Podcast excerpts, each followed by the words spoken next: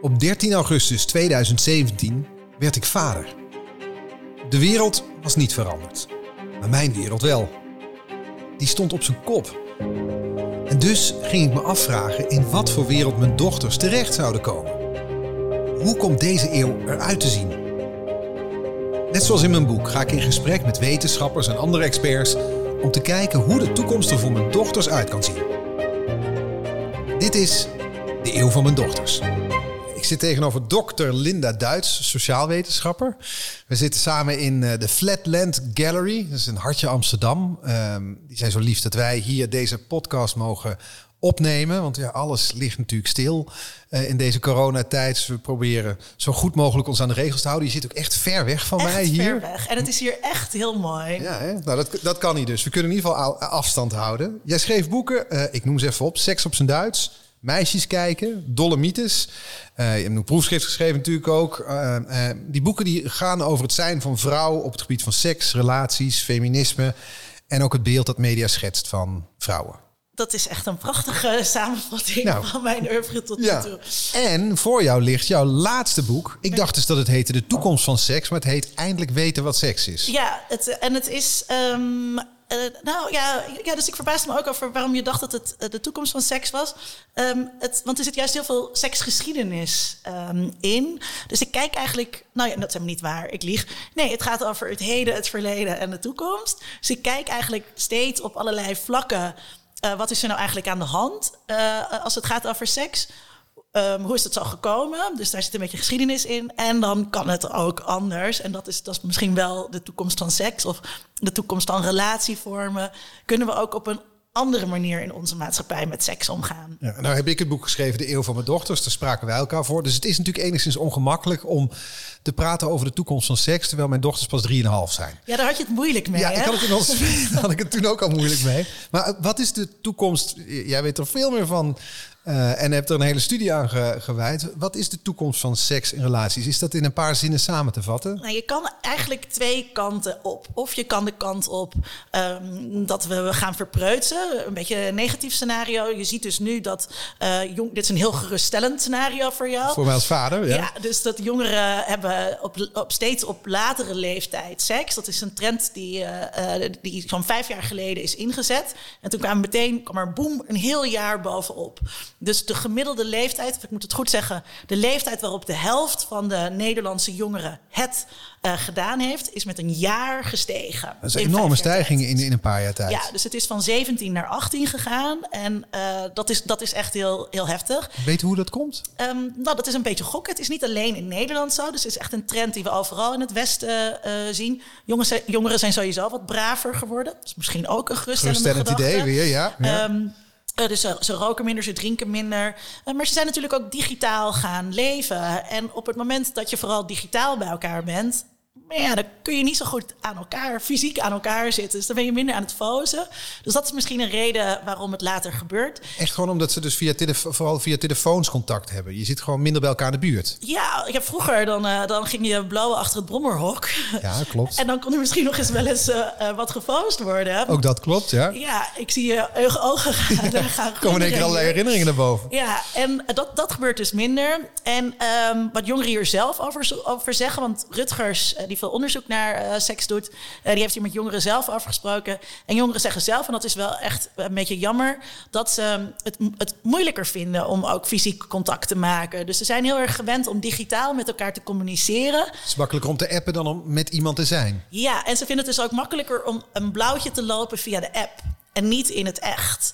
Uh, en dat is natuurlijk heel jammer, want op een gegeven moment, ja, uh, je moet toch aan dat uh, fysiek contact. Hè. Mensen die op dating sites zitten, die weten ook, ja, je kunt wel een tijdje met elkaar praten en desnoods ga je video bellen, maar uiteindelijk wil je elkaar. Het moment toch, moet toch komen? Dat moment moet er komen. Je wil elkaar ruiken en voelen en vervolgens andere dingen Proeven, weet ik wat. Ja. Precies, al die dingen die seks leuk maken. Ja.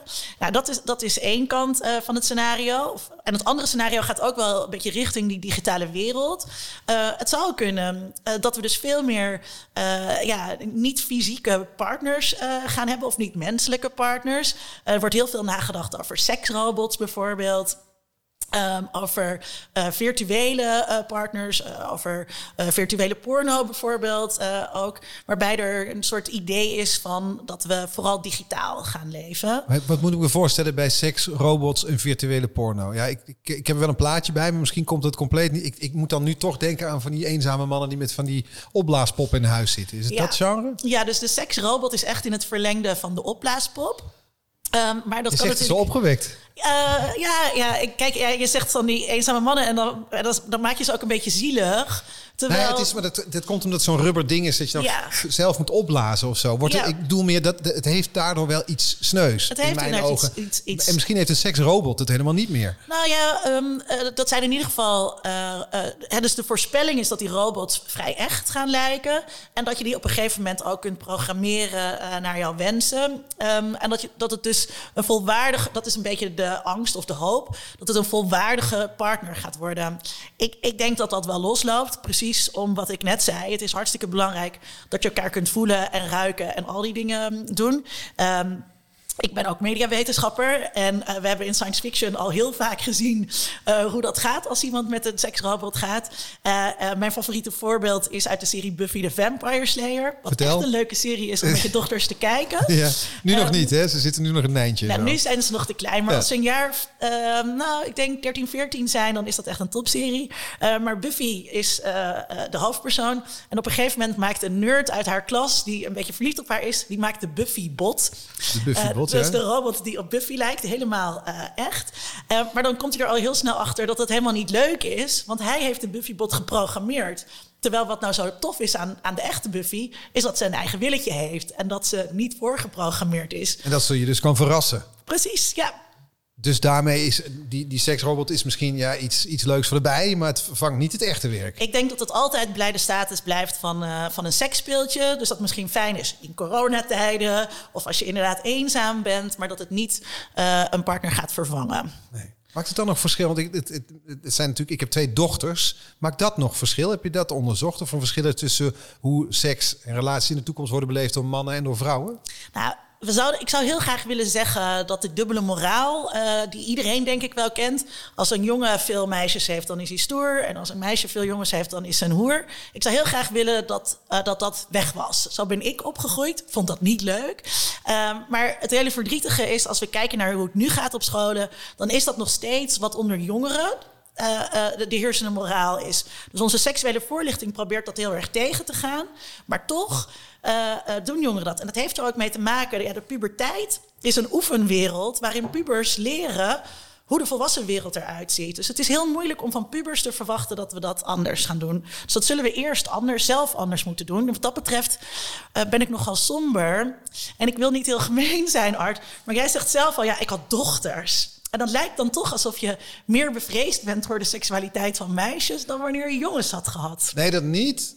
Denk ik. Dat weet ik niet. Ik vind het oprecht ingewikkeld om over het seksuele leven van mijn kinderen te praten. En ik ja. weet niet of ik heb geen zoons, dus ik weet niet of ik dat moeilijk had gevonden als ik zoons had gehad. Maar wat ik wel, ik denk dat elke vader dat misschien heeft. Ik wil ze beschermen en ik weet hoe ik was als puber, als jongen. En als ik dan denk dat ik zou niet willen dat ik als puber dat ze mij tegen zouden zijn gekomen. Ja. Dus het is meer uit angst voor mezelf dan dat ik ja, het rottig vind ik dochter, dochters heb. Ja, ja. Dus het is... Sterker nog, ik heb altijd geweten in mijn hoofd en in mijn hart, ik wist altijd dat ik een uh, vader van dochters zou worden. Ja. Omdat ik, ik heb altijd op de een of andere manier dacht ik dat past veel meer bij, bij mij. Ja. Nou ja, dus het, het, heeft heel erg te maken met wat voor ideeën wij als volwassenen dus doorgeven. Om te zien of we dat kunnen, kunnen doorbreken. Wat moet ik doen dan? Of wat moeten wij als ouders doen? Of wat moeten vaders doen? Um, nou ja, je kunt als vader zijn in je eentje natuurlijk niet de wereld uh, veranderen. Maar, nou, volgens mijn dochters op dit moment nog wel. Hè? Ja, en jij ja. hebt een heel groot bereik. Ja. Uh, dus het is heel, denk ik heel belangrijk dat we daarover praten. En dat we uh, ook ons realiseren um, dat die mechanismen er nog steeds zijn. Uh, en dat mechanisme weet of dat, dat meisjes zijn een slet en jongens zijn een, zijn een held. Dat, dat, een, dat, een meisje, dat een meisje moet oppassen met dat eigenlijk een meisje de bewaker is van de zeden, om het heel ouderwets te zeggen. Uh, dat zij ehm, ja, haar lichaam ongeschonden uh, moet houden. En dat, dat is al een heel oud idee. Vroeger ehm, eh, hadden vaders die maakten economische en politieke allianties door hun dochters uit te huwelijken. En dat werkte alleen maar ja, als zij ongeschonden was, als zij nog maagd was. En daar komen die ideeën bijna vandaan. En, en daar komt het idee vandaan dat, dat een vrouw op moest letten met wie zij allemaal uh, naar bed ging. Maar toch is dat nog echt zo? Want dan, ik, als ik dus bijvoorbeeld naar de markt van seksspeeltjes kijk, dat is toch dat is voornamelijk op vrouwen gericht. Er, is, er lijkt weinig taboe voor te zijn. Ja, over te zijn. Voor, voor een deel is dat wel um, uh, doorbroken. Al is het nog steeds wel zo dat de gedachte is dat het beter is als je met z'n tweeën die speeltjes gebruikt. Um, maar wel gezelliger misschien. Gezelliger, ja, maar ook een beetje uh, is het idee dat dat gezonder um, is. En je hoort bijvoorbeeld ook nog steeds, uh, als het over daten gaat, uh, dat je als meisje beter niet op de eerste date meteen seks hebt, want dan ben je geen relatiemateriaal meer. Hè, dus daar hoor je nog een soort echo in terug van dat, die, dat, dat je als vrouw meer waard bent als je dus niet zomaar um, het bed instapt. Dus die, die spoken uit het verleden, er blijven eigenlijk nu, dat, dat, dat loopt nog steeds. Hebben nog steeds mee te maken. Dat loopt nog steeds. En wordt het op dat vlak dan, als je deze eeuw kijkt, wordt het een Gaat het er beter op worden? Uh, nou, dat hoop, dat hoop ik natuurlijk uh, wel. Ik hoop dat we van dat stigma afkomen. Er wordt natuurlijk al heel veel tegen geageerd. Hè. Uh, sletvrees is een woord dat iedereen kent. dus feministen maken er wel stampij tegen. Um, en, en we zien dat we ook buiten die heteroseksuele relatievorm steeds meer gaan doen. Dus het kan ook heel goed zijn dat voor jouw dochters uh, tegen de tijd dat ze puber zijn, dat ze het hele woord hetero nou, eigenlijk een beetje een achterhaald uh, woord vinden. Um, dat ze daar vrijer um, uh, in zijn. En dat ze dus ook vrijer hun seksualiteit daarin gaan, gaan beleven. En dat ze misschien helemaal nooit met jongens naar bed willen, maar met andere meiden of met non-binaire mensen.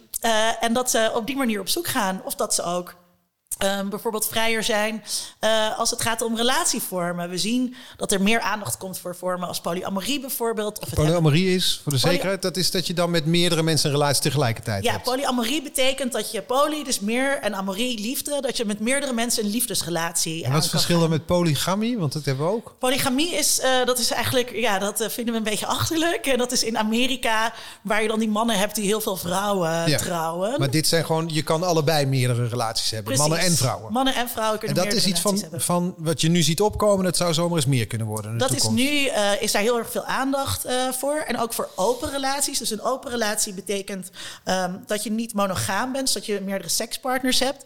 Uh, dat zie je vooral in de LHBT-scene gebeurt dat ook meer. dus het zou heel goed kunnen dat dat ofwel ook overslaat naar hetero's.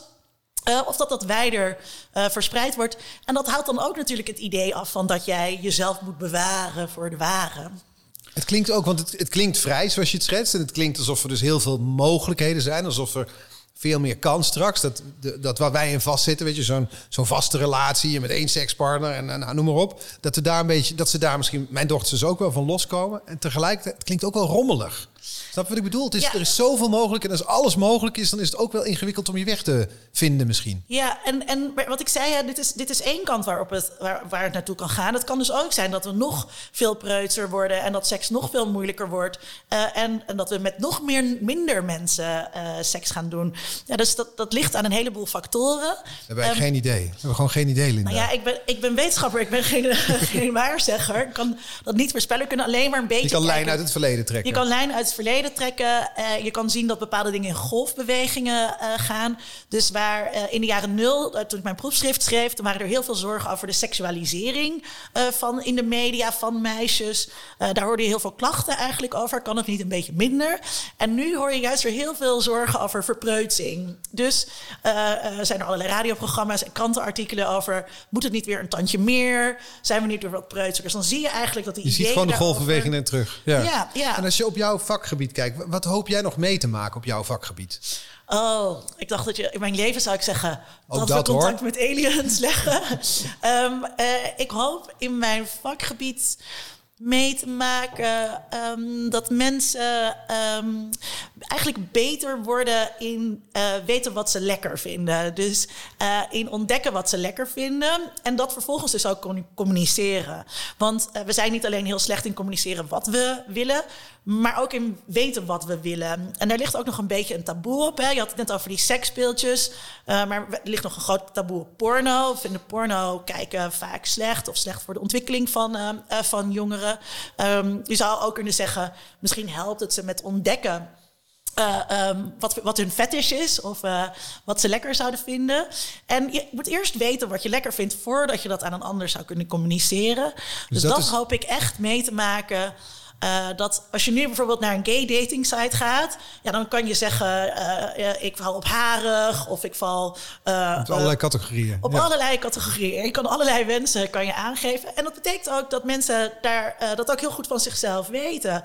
Nou ja, als dat er ook voor hetero sites zou zijn over uh, nou ja, je kijkt naar welk jaar kijk je ook weer? Ja, nou ja, ik zeg dat ze volwassen zijn. Ik bedoel, over 15 jaar zijn ze 18. Ja, Zoiets? nou ja, laten we zeggen over, over 20, 25 jaar. Uh, uh, als ze rond de 30 zijn, dan is het misschien wel oké dat ze seksueel actief zijn voor jou. Ja, bijna. Ja, bijna, ja. nou, laten we zeggen 35 jaar. als dat over 35 jaar zou zijn, dan ben ik echt een hele blij gepensioneerde wetenschapper. Ja. Oké, nou tot die tijd lezen we dus eindelijk weten wat seks is. Jouw boek, want het is ook net uit. Uh, dankjewel voor dit uh, fijne gesprek, Linda. Ja, bedankt. Ja, want, uh, tot zover deze aflevering van de Eeuw van mijn Dochters. Ik heb toch weer... Het, was, het is ongemakkelijk op de een of andere manier. Als ik, nee, maar doordat je het zo blijmoedig vertelt, hang ik ook aan je lippen om hier goed te zijn. Zo, ja. Goed zo. In de volgende aflevering praat ik met Andrea Maier over ouderdomsgeneeskunde. Want is ouderdom te genezen? Word je, hoe word je zo oud mogelijk en dat dan ook zo gezond mogelijk? En deze podcast is dus gebaseerd op het boek dat ik heb geschreven. Dat heet ook De Eeuw van mijn Dochters. Een link naar het boek is te vinden in de beschrijving van deze aflevering. En het boek zelf is natuurlijk te vinden in een lokale boekwinkel bij jou in de buurt. Tot de volgende